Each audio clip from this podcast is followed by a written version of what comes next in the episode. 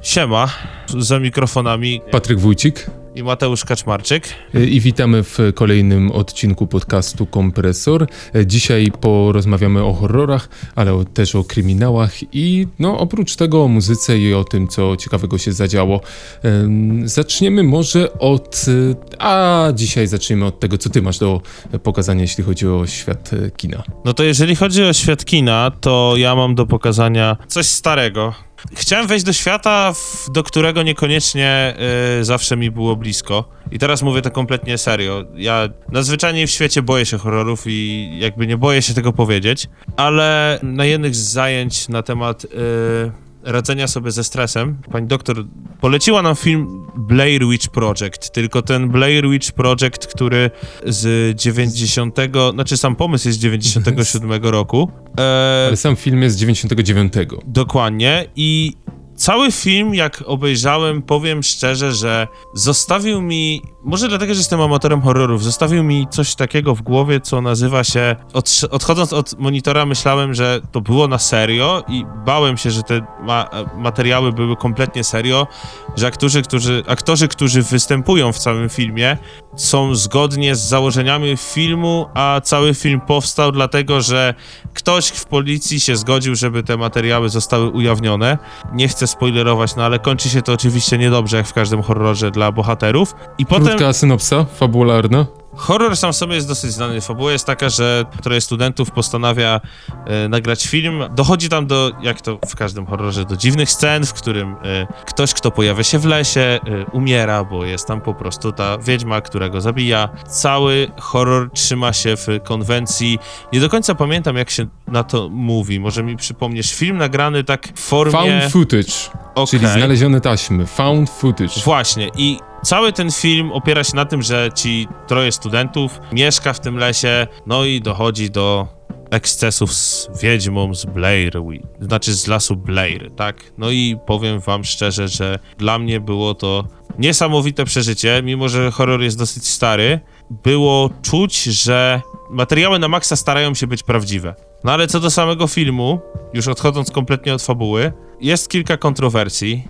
Ekipa cała, która kręciła film, wkręciła w zasadzie wszystkich, którzy byli zainteresowani tym filmem. Do samego festiwala rozdania nagród yy, w Cannes, o ile się nie mylę, zostało przekazane, że bohaterowie nie żyją i że yy, ten cały I że wszystko jest na poważnie po tak, prostu. i że to wszystko jest e, takim real story, totalnym real story. Niestety Mhm. okazało się, że jest, znaczy niestety, okazało się inaczej, co zabrało trochę smaczku tego fil- temu filmowi. Sprawa była o tyle poważna, że nawet rodzice aktorów zaczęli dostawać kondolencje po prostu ze względu na cały film. Z perspektywy czasu mogę śmiało powiedzieć, że wiele ludzi jakoś nie do końca kupuje ten film.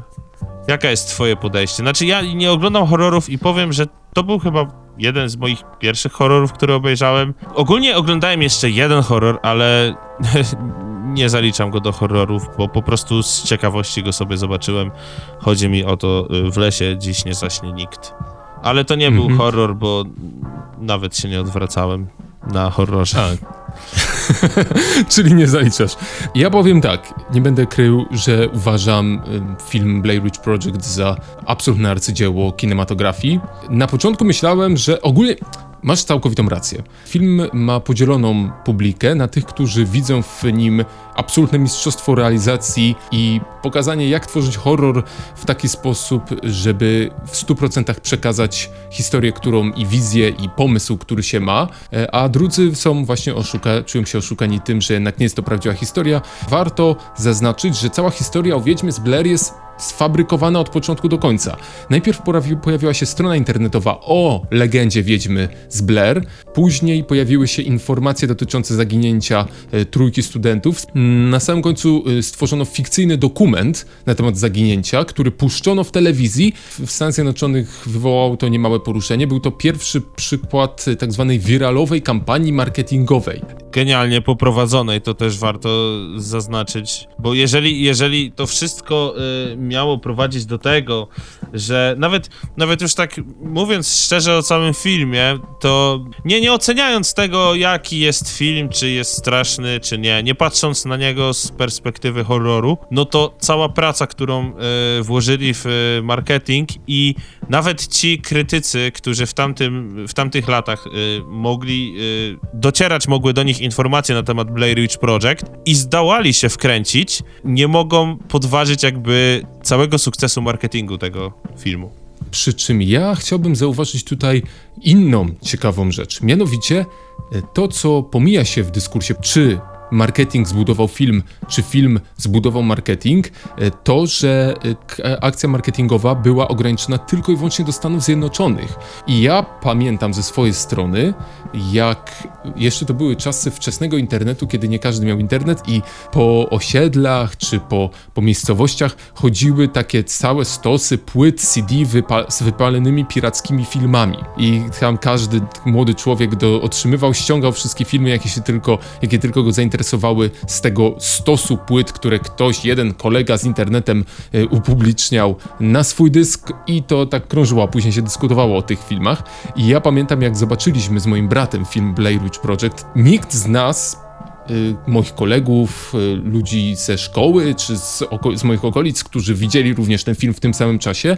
Film był tak sugestywnie nakręcony, że my w Polsce, pod Kielcami na wsi, dyskutowaliśmy o tym, jak prawdopodobne jest to, że ten film jest e, prawdziwy lub nie. Film w Polsce czy w innych krajach, w których ten marketing nie został przeprowadzony, miał taki sam efekt jak w Stanach Zjednoczonych. I ja jestem samym, sam jako młody człowiek, mogę, wtedy młody człowiek, mogę poświadczyć, że film broni się nie tylko marketingiem, ale samą realizacją.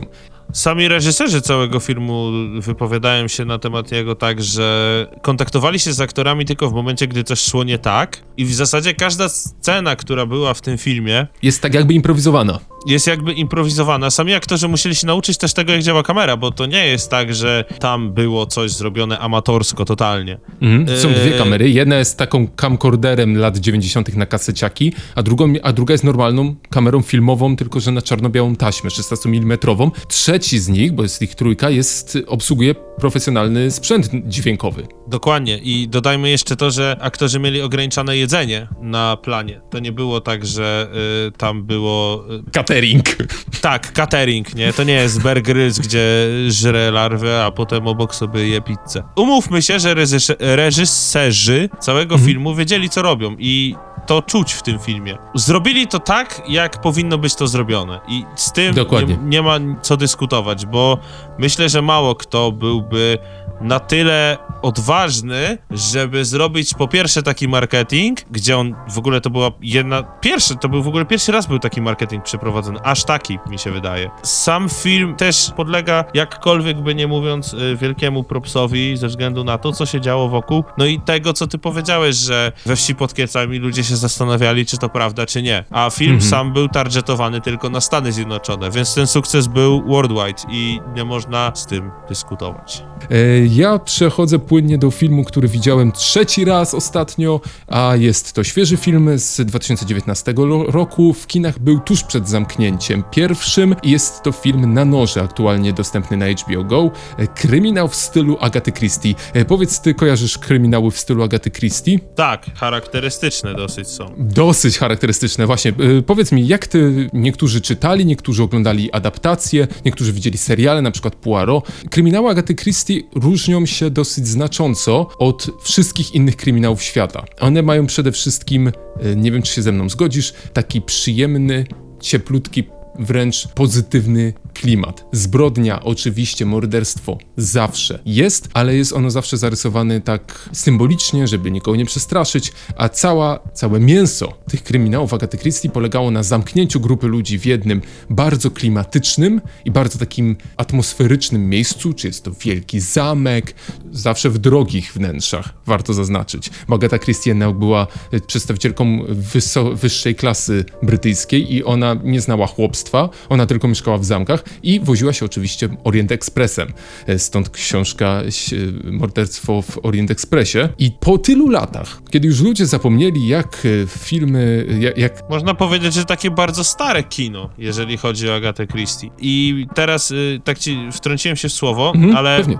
pamiętając to, co, to, jak te filmy wyglądają, taki mocno brytyjski, wręcz, wręcz dżentelmeński klimat, zaskoczyłeś mnie tym, że ktoś się postarał do tego wrócić i w sumie posłucham o na noże.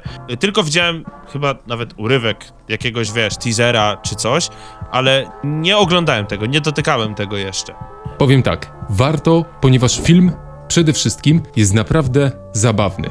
Ma bardzo lekki i przyjemny, niezobowiązujący humor, który kompletnie odcina gatunkowo ten film, z czym mieliśmy do czynienia przez ostatnie 10 lat, czyli tak zwane norweskie kryminały, gdzie wszystko jest turbo poważne, turbo mroczne, e, zbrodnie są ekstremalnie realistyczne i bardzo obleśne, zawsze jest gdzieś jakiś gwałt, jakaś tragedia życiowa. Wychodzisz z kina czy kończysz lekturę z ciężką depresją. Ten film kompletnie odwraca cały klimat. Mamy Daniela Craiga jako detektywa. Jest samobójstwo, które nie wygląda trochę jak samobójstwo wielkiego pisarza kryminałów, który ma rodzinę, która odcina sobie od niego kupony i żre i baluje za jego pieniądze. Wszystko się dzieje w pięknej, malowniczej willi, posadzonej w środku lasu. No i jest ograniczona liczba osób, które mogły dokonać zbrodni, ponieważ zbrodnia ma miejsce w urodziny pisarza. Polecam. Film ogląda się ekstremalnie szybko, jest nienudny, a i przede wszystkim dzieje się w Stanach Zjednoczonych i dzieje się we współczesnym świecie. Muszę oddać palmę pierwszeństwa reżyserowi, że udało mu się uzyskać taki klimat, tak jak właśnie powiedziałeś, dostojnego kina detektywistyczno-kryminalistycznego, e, przy czym e, odnoś- odniesienia są do Instagrama, do influencerek, ewidentnie mają komórki. Jest to 2019 rok. Agata Christie V2. Dokładnie. Na HBO Go jest wciąż do obejrzenia i naprawdę polecam, polecam. Jak ktoś lubi kryminały, a jest w depresji ze względu na kończącą się zimę i brak słońca, rozweseli was. Po prostu obudzicie się y, w skowronkach. Choć to kryminał. Poprzedniego filmu nie ocenialiśmy Blair Witch, no bo ciężko go oceniać ze względu na czas. To już czas go ocenił i ludzie już, yy, można powiedzieć, że niektórzy nawet zapomnieli o tym filmie. Ale co do na noże, jak ocenisz ty od 0 do 10? Podzielę tę ocenę na dwie. Jeśli chodzi o wrażenia i przyjemność i odczucia, które miałem po obejrzeniu, to absolutnie 9 na 10. O ile nie 10 na 10. Powiem 10 tak, na że- 10? 9 na 10. 9 na 10, ponieważ jednak był mały niedosyt. E, Według mnie coś można. W pewnym momencie jest taki jeden moment w filmie, w którym się robi trochę nudno i dlatego. I tylko dlatego. A tak to po prostu z przyjemnością się to ogląda. Tu oglądasz to jak, jak czasami obejrzysz sobie taki wielki blockbuster. To, to dokładnie takie samo wrażenie. Wychodzisz po prostu z popcornem, jajca, śmiejesz się, opowiadasz, który ci się najlepiej moment podobał, kto wiedział, kto zabił, po prostu z uśmiechem na twarzy kończysz seans. Jeśli chodzi o sam film, to powiem, że 7 na 10. E, Film jest fajnie napisany, aczkolwiek fabuła, sama zagadka ma kilka mikroskopijnych zgrzytów, które już przy pierwszym seansie zobaczyłem, ale nie przeszkadza to wcale w przyjemności oglądania. Czyli jednym słowem możecie się poczuć jak w kinie, nie będąc w kinie pomimo tego ciężkiego czasu. A, dokładnie.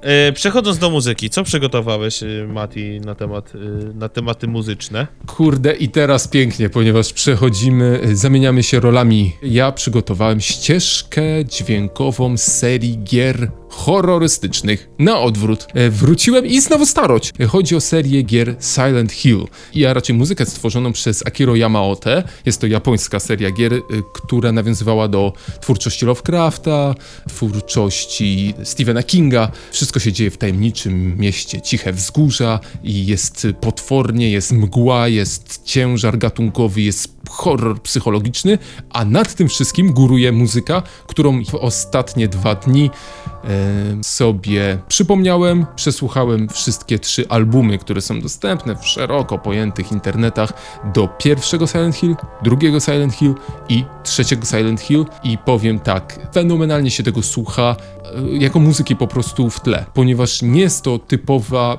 pierwsza część bardziej, tak, ale druga i trzecia, ta struktura e, muzyczna nie jest takim atmosferycznym bulgotaniem w tle, które ma robić nastrój, tylko Akira Yamamoto był y, kompozytorem muzyki pop i te utwory mają strukturę piosenek, kompletnie normalnych piosenek. Słychać, że mają intra, mają refreny, y, prawie żadna z nich nie ma tekstu ani wokalu, ponieważ jest to jednak tło do gry komputerowej, ale można tak z przyjemnością tego słuchać i nie jestem jedynym fanem e, jego twórczości, ponieważ Akira Yamamoto został ostatnio zatrudniony przez Polaków do stworzenia muzyki do gry, do gry Proszę nie mów, że cyberpunk. Nie, Okej. E, do gry Medium, te horrorystycznej gry robionej przez Polaków. E, Gra już oczywiście wyszła, a ty co przygotowałeś? Ja przygotowałem y, w sumie nie całą płytę, nawet nie całą playlistę, krótką epkę zespołu i teraz uwaga, bo cię zaszukuję, to nie będzie rap. Chodzi o Polrax. Kojarzysz Polrax może? Nie. Okej, Polrax y, to taka y, ciekawa, ciekawe zjawisko na scenie y, polskiej muzyki. Chodzi o synthpop, polski synthpop, a dokładniej chodzi o epkę Rock Your Video i polecam sprawdzić kawałek dla ciebie, pięciominutowy, w zasadzie to sześciominutowy kawałek, który wprowadzi was w niesamowity klimat. Kiedyś dyskutowałem z pewną osobą na temat tego, co jest najbardziej polskie w Polsce z muzyki i wydaje mi się, że właśnie ten artysta potrafi przedstawić Polskę tak, jak być powinna przedstawiona. Kolejnym z zespołów, który tak potrafi zrobić i pokazać typową polskość jest moim zdaniem mm, zespół Problem. Czyli polecam młodego artystę Polrax i, i Problem na dzisiaj. Problem każdy zna, a Polrax niekoniecznie. Myślę, że warto to sprawdzić y, dokładniej. Kawałek dla ciebie i Rock Your Video AP, EP. Synthpop to jest takie szerokie pojęcie. Jakby ktoś jeszcze się zastanawiał i nie wiedział, czy się w to zagłębić, y, do czego mógłbyś porównać? Z czym to się je? Z synpopem mm, miałem przez pewien czas problem, bo chciałem powiedzieć, że jest to mega... Z czym można zjeść synthpop? Mhm. Można go zjeść, z, porównać z takim tym, co byście sobie wyobrażyli, czym jest Miami w latach e, 70., ale jest to w Polsce. A jeżeli Aha. chodzi o muzykę, słyszałem bardzo twarde stwierdzenie, odważne nawet. Ktoś porównywał to do disco polo, ale ja nie porównałbym tego do disco polo, bo jednak synthpop to jest takie oddanie hołdu tamtejszym czasom. I myślę, że ktoś, kto lubi muzykę z lat 70., 80., 90., kupi synthpop. A szczególnie polski, bo jest dosyć ciekawym takim zjawiskiem. Krótka ocena, notka, jeśli chodzi, bo to jest jednak świeżynka, prawda? Znaczy, sam album nie jest taką świeżynką. Sam album y, jest z 2008 roku. Znaczy, ta cała epka. No ale chyba cały lepiej kawałek. niż dwa, ty- tylko 999, No, nie? to wiadomo, to wiadomo. Krótka recenzja. Przez 6 minut po prostu cofacie się trochę w czasie. Cofacie się w czasie aż tak mocno, że widzicie te jaskrawe, kiczowate kolorofony dyskoteki, zmęczone powietrze gdzieś w klubie pokrytym błazerią. No i super. E, A teraz przechodzimy do mm, działu świeżynek informacji. Przede wszystkim ja nie będę tutaj e, oceniał, e, nie będę komentował tego, po prostu muszę to rzucić. CD Projekt wypuściło łatkę 1.2 do Cyberpunka 2077 i chwalą się listą zmian, e, poprawki błędów w zachowaniu MP- NPC-ów, e, większa swoboda, swoboda w kwestii e, przypisywania klawiszy, co po, było problemem, poprawki animacji w scenach rozmów, no i przede wszystkim e, lepsza optymalizacja, jeśli chodzi o konsole. Trzeba o tym powiedzieć, bo choć dużo osób już o tym wspomniało, Mi się Zobaczymy. przewinęło, przewinął mi się dzisiaj rano film, e, filmik gdzieś na YouTube, jeszcze go nie sprawdzałem, e, na takim portalu gry online, gdzie mówili o tym, że czy to już koniec Cyberpunka? Tak, podobno stracił 98% użytkowników. Nie dziwię się, no bo ta gra, kurde, no powiedzmy sobie szczerze, nie będę już po powtarzał tego, co już wszyscy powiedzieli milion razy. W, w opinii wielu i ona jest niegrywalna, nie? Więc po cholerę się szarpać. Ktoś kupił sobie na Xboxa i mu znikają NPC i jest problem z klatkowaniem, no weź, choćbym wydał na to pieniądze. Nie grałem, bo miałem grać, a się powstrzymałem i bardzo się cieszę. To bym powiedział, a pocałujcie mnie w dupę. A, aż tak mi nie zależy. Mm, Druga informacja, którą przygotowałem, pisarz y, najbardziej popularny ostatnio, Jakub Żulczyk, przygotowuje nową y, powieść. Myślałem, że inaczej powiesz o Żulczyku, y, o innej sytuacji dotyczącej Nie, pa, w dupie to mam. To, to wiesz, pierdoli mnie to serio. To jest kurde sranie. Nie będę nawet wspominał o czym teraz, do czego nawiązujemy. Tak bardzo nie powinno się do tego wracać. To Pewnie. Jest takie sranie się zdanie. konkretnej grupy osób, które już kurwa już im się nudzi. Żulczyk 19 maja e, za- zapowiedział, że 19 maja ukaże się e, książka o tytule Informacja zwrotna. Jak pisze autor, e, to powieść o facecie, który nazywa się Marcin Kania i który zgubił swojego syna, a tak naprawdę zgubił wszystko dalej. Jest to według niego antykryminał. Pełna treść tej synopsy fabularnej jest dostępna oczywiście w internecie, a do czego jest krótka, więc zachęcam do odnalezienia i przeczytania. Powiedz mi, ty jako osoba, ja też jestem, ja jestem średnim czytaczem książek, ty jesteś zaznajomiony z Żulczykiem? Wow, ja czytam książki i chyba jestem najwolniejszym czytaczem książek na ziemi, bo z, tysiąca rzeczy, które muszę wybrać, książka gdzieś leży na ostatnim miejscu. Trochę głupio Mhm. mi, że tak jest, bo, y, bo jednak czytanie książek poszerza zasób słów i w ogóle wyobraźnię i tak dalej. Ja Żulczyka, no to chyba taki klasyk, nie? Czytam cały Mhm. czas, jeżeli wiesz o czym mówię. Oczywiście, że wiem o czym mówisz. A ci, którzy nie wiedzą, niech się wstydzą, bo nawet my wiemy o czym mówimy. Tak, dokładnie. E, powiem szczerze, że co do Żulczyka miałem y, kilka problemów.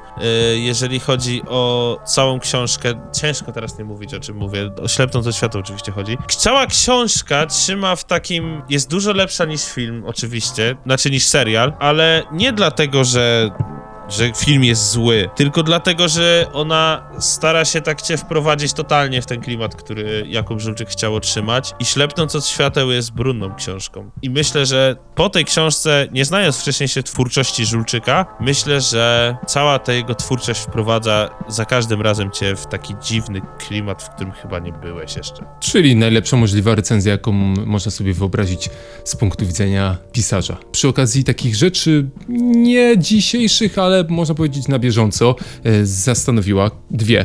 Kojarzysz sprawę z tym gościem, który zepsuł sobie telewizor, telewizor OLED e, marki Sony, bo oglądał za, za dużo TVP Info i mu się paski wypaliły mm, na dole? No okej, no i słucham o tym, że No, no, no, no. No finał finałów jest taki, Gadaliśmy że chyba o tym. Samsung mu zaproponował, że mu wymieni ten telewizor na swojego OLEDa. E, Tak czy inaczej. Powróciłem sobie myślami do tego, do tej informacji, która obiegła Polskę i zastanawiam mnie jedna rzecz, e, która dużo chyba powie o skali, powiem to wprost, zakłamania recenzentów sprzętu RTV i sprzętu nowoczesnego. Czy ty kiedykolwiek słyszałeś od jakiegokolwiek recenzenta, albo w jakiejkolwiek recenzji, albo w jakimkolwiek e, od unboxingu telewizorów OLED informacja o tym, że się do tego stopnia i aż tak bardzo potwornie wypalają się piksele w, ty, w tej technologii le- OLED? Bo ja, kurwa, nie. Znaczy, Pewnie gdzieś tam było, ale ni- tak się zastanawiałem i zastanawiałem, siedziałem na kiblu i myślałem i dwie kupy zrobiłem i kurwa nie byłem w stanie sobie przypomnieć ani jednego wielkiego, poważnego, niezależnego dziennikarza, który powiedział, ej słuchajcie, OLEDy mają jedną wyjebaną wadę, że się kurwa wypalają po tygodniu. z plazmami była taka faza. Pamiętam to z No, plazmami. lata temu, nie? Ale t- ja wiem. Znaczy, gdzieś tam istnieje takie przeświadczenie, że nowoczesne technologie mają to do siebie, że muszą się psuć, żeby, wiesz, żeby firma na tym zarabiała. Ale come on, jakby to chyba wszystko się psuje. No. Chciałbym po prostu, żeby recenzenci sprzętu, y, i youtuberzy, i influencerzy, i unboxerzy po prostu zaczęli realnie testować ten sprzęt, a nie Ale tylko nigdy tak nie będzie, wiesz o tym. Nigdy tak nie będzie, dlatego że Wiesz, to wracamy też do sytuacji z Samsungiem i eksplodującymi y, Telefonami. mm, bateriami. No, tak. bateriami, Y, tak. na- też nikt, żaden z recenzentów tam, niektórzy mówili, noszę go już od tygodnia, używam go ciągle od dwóch tygodni i nikt nigdy nie zwrócił uwagi na to, że się rozgrzewają, a podobno, nie wiem czy miałeś te, te serie Samsungów, on, te, które wybuchały, to wybuchały, ale one wszystkie się rozgrzewały. I nikt nigdy nie powiedział, ej, słuchajcie, one mają wyjebaną wadę fabryczną. No to kurwa, no to i wszyscy mówią, że oni nie biorą pieniędzy, że te recenzje są nie... Albo oni rzeczywiście nie biorą tych pieniędzy, tylko po prostu są niekompetentnymi idiotami, którzy nie powinni recenzować sprzętu, ponieważ nie wiedzą na co zwracać uwagę. I nie wiem, co jest gorsze. Być sprzedajną kurwą, czy tumanem i amatorem. bardzo mocne słowa. Ale mi się wydaje, że chyba tymi słowami, bo już możemy sobie powoli chyba dobijać do końca, nie? Coś e, ciekawego się s- po twojej stronie internetu zadziało? U mnie ciekawego, co się działo, no to y, chyba temat, który rusza ostatnio bardzo y, głęboko social mediami. Myślałem, że mniej też będzie ruszał, ale cały czas porusza tak samo. Chodzi o coś, czego nie spodziewałem się, że to poruszę. Fame MMA. Jakie jest twoje podejście do tego? No, Fame MMA oczywiście kocham, uwielbiam i szanuję. Fame MMA jest Nie oglądam, w całym swoim życiu nie widziałem ani jednego meczu Fame MMA, ani jednej potyczki ym, Fame MMA. Widziałem może ze dwie, trzy klasycznego MMA. Y, Bardzo z wypiekami na twarzy zawsze oglądam konferencje prasowe różnych przypadkowych ludzi, którzy się tam pojawiają. To jest y, to, co Polska otrzymała, a co Ameryka miała w latach 80. i był to wrestling. Tylko tutaj się biją naprawdę, ponieważ no, jest to trochę inna wrażliwość. Tam dramy były dużo bardziej kolorowe, tu są bardziej po prostu obrażają się nawzajem ci ludzie. E, I ale zauważyłem jedną rzecz. Jest to fenomenalny grunt do zrobienia się sławnym, jak nie masz nic ciekawego do so, z sobą do zaprezentowania. No, Fame MMA teraz e, otworzyło taką, będzie otwierało taką podligę, hype, e, która będzie miała na, na celu wybijać e, tych e, nowych, dopiero do Czyli zgadłem. Ale poczekaj, chwila, bo y, jakby chodzi o samą jedną ciekawostkę. Mianowicie chodzi mi o. Znaczy ciekawostkę, taki news trochę w sumie. Y, Chodzi o postać Normana Parkę, który kiedyś walczył w KSW. Teraz ma walczyć w fejmie. I mianowicie chodzi też o osobę Martina Lewandowskiego, czyli jednego z włodarzy KSW, któremu nie do końca pasuje to, że Norman Park walczy w y, fejmie. Zastrzega się tym, że skończy się to na drodze sądowej, gdyż pan Norman Park podobno cały czas zobowiązany jest kontraktem z KSW, a podobno działa to tak, że gdy jest zobowiązany kontraktem, no to federacja decyduje o tym, z kim walczy. Czyli wyobraź sobie, jak bardzo teraz w Polsce jest problem z tym, że mamy kilka federacji i każda na siebie patrzy spod byka. Jeszcze nie mówiąc o y, MMA VIP y, Mar Marcina Najmana, ale nie wiem, czy to był jednorazowy strzał, czy nie. Imo jest dużo federacji i każda na siebie po kolei coś sobie ma do zarzucenia. Znaczy, dla internetu to chyba dobrze, no bo coś się tam dzieje, nie? Dokładnie. No my, ta, my to mamy, nas to nie dotknie, nas to w ogóle nie dotknie, bo ludzie sobie lubią, z, w ogóle Fame MMA jest podobno, na, chodzą legendy o tym, ile się dostaje pieniędzy za udział w Fame MMA i w innych po, po, pokrewnych ligach boksu niezawodowego, tak to nazwijmy. Czy wydaje mi się, że są to niebotyczne kwoty, patrząc na to, kto tam sobie, że tak powiem, się bić, nie? tu jestem rozdarty. Co się dzieje, jak się zostawi całkowicie komercyjnie coś, co powinno być regulowane przez instytucje? No, czyli jak mamy instytucje sportu, olimpijskie, y, lekkoatletyczne czy piłki nożnej, one też są y, na zasadach komercyjnych, są to prywatne firmy, ale one mają regulować, czyli ma, mają być tym zewnętrznym sędzią po to, żeby sobie kluby nie podpierdalały piłkarzy i tak dalej, i tak dalej, prawda? One jednak regulują. Tu w tym przypadku tych regulacji w ogóle nie ma, a jeśli są, to ja ich nie widzę i nie ma instytucji, która tego pilnuje i to się niestety tak kończy. Po prostu mnóstwem brudnych pieniędzy topionych i wyszarpywaniem sobie co ciekawszych kąsków. A no, porównują MMA do wrestlingu też często, yy, że jest to taka forma freaka totalnego. Ale też warto pamiętać, że tym, że KSW też się bawiło we freak fighty, yy, kiedy Butterbean walczył yy, z Mariuszem Pudzianowskim. Tylko teraz pytanie, czy oni walczyli na KSW, ale z tego co pamiętam, to chyba tak, gdzie to była Butterbean, ogromny facet, no Pudzian też, ale nie w tą stronę ogromny. Nie ma regulacji, no ale idzie, ciśnie się na usta zacytować e, pewien tekst z filmu Breaking Bad, tylko w trochę innej formie. E, Mianowicie tam Jesse powiedział Science, bitch, a tutaj można powiedzieć wolny rynek, dziwko. W sensie, że nikt tego nie kontroluje, no to niech sobie na tym zarabiają pieniądze. Tylko wychodzi w tym ichszy spryt, ich ta, takie podejście, że zauważyli to, że można, no i zarabiają, nie? Tak samo mam, miałem problem z tym, znaczy mam ogólnie problem z ludźmi, którzy twierdzą, że Freeze zarabia, wiesz, cała ta jadka, ekipa, co to ma być. Come on, gość jest po prostu mega mądrym ty typem, który zobaczył na czym się da robić hajs i na tym robi hajs i tyle. Póki nam to bezpośrednio szerokiej opinii publicznej, czy, czy po prostu ludziom z zewnątrz, którzy nie mają z tym nic wspólnego, nie szkodzi, to niech tam robią sobie co chcą. Dokładnie. E, no dobra, coś jeszcze? Nie, u mnie już jest dzisiaj wszystko. Wykończyłem. Mm, Warto wspomnieć, y, dlaczego y, nie było odcinka y, w tę niedzielę, która była, a to za sprawą mojej przygody, która mi się zadziała w piątek, mianowicie zapalenie okostnej zęba. Każdy, kto miał ten, pewnie teraz y, sobie uśmiecha się pod nosem. Y, Jest to niewyobrażalny, wiercący wiertarką w głowę ból, który nie za bardzo chciał przejść w piątek poprzedni. Przeżyłem sobotę, jakimś cudem przeżyłem niedzielę. W poniedziałek dentystka powiedziała, że to na pewno dolna siódemka i trzeba ją wyrwać, ponieważ jest y, koszmar, koszmar, koszmar. Poszedłem do chirurga, chirurg wyrwał, dostałem antybiotyk. Antybiotyk nie sprawił, że ból nie przeszedł w poniedziałek, we wtorek, środę, czwartek. W końcu poszedłem do dentystki w piątek. Okazało się, że wyrwali mi nie tego zęba, co trzeba. Bezzębny Mateusz. E, Jak powiedzieli, że jednak trzeba wyrwać ósemkę górną, to uciekłem. Pobiegłem do innego dentysty. Tam młode studentki śliczne y, z kompletnie polecanej jakiejś y, innej kliniki prywatnej po drugiej stronie miasta mnie przyjęły o 17.30, za co bardzo dziękuję. Wtedy, kiedy mieliśmy nagrywać, bardzo przepraszam. E, I zaleczyły mi, wyjęły mi ropę z tego zęba, z tej ósemki i teraz y, przynajmniej mogę po prostu z wami być i myśleć w jakikolwiek sposób. Tak więc przepraszam, Pozdrawiamy te panie y, przyjemne dentystki. Tak przyjemnie było, że Mateusz nawet mówi mi, że e, bez znieczulenia. Powiem szczerze, troszeczkę znieczulenia dostałem, ale yy, znieczulenie mi tak podały, że nawet nie poczułem. A ja znieczulenie też czuję. Bo igła to jest igła. Utrzymaj, że bez znieczulenia. Twardy gość. dobra, okej.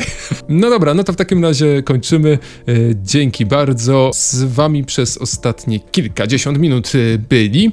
Y, Mateusz Kaczmarczyk. I Patryk Wójcik. To był podcast Kompresor i do usłyszenia następnym razem. Nara. Hej.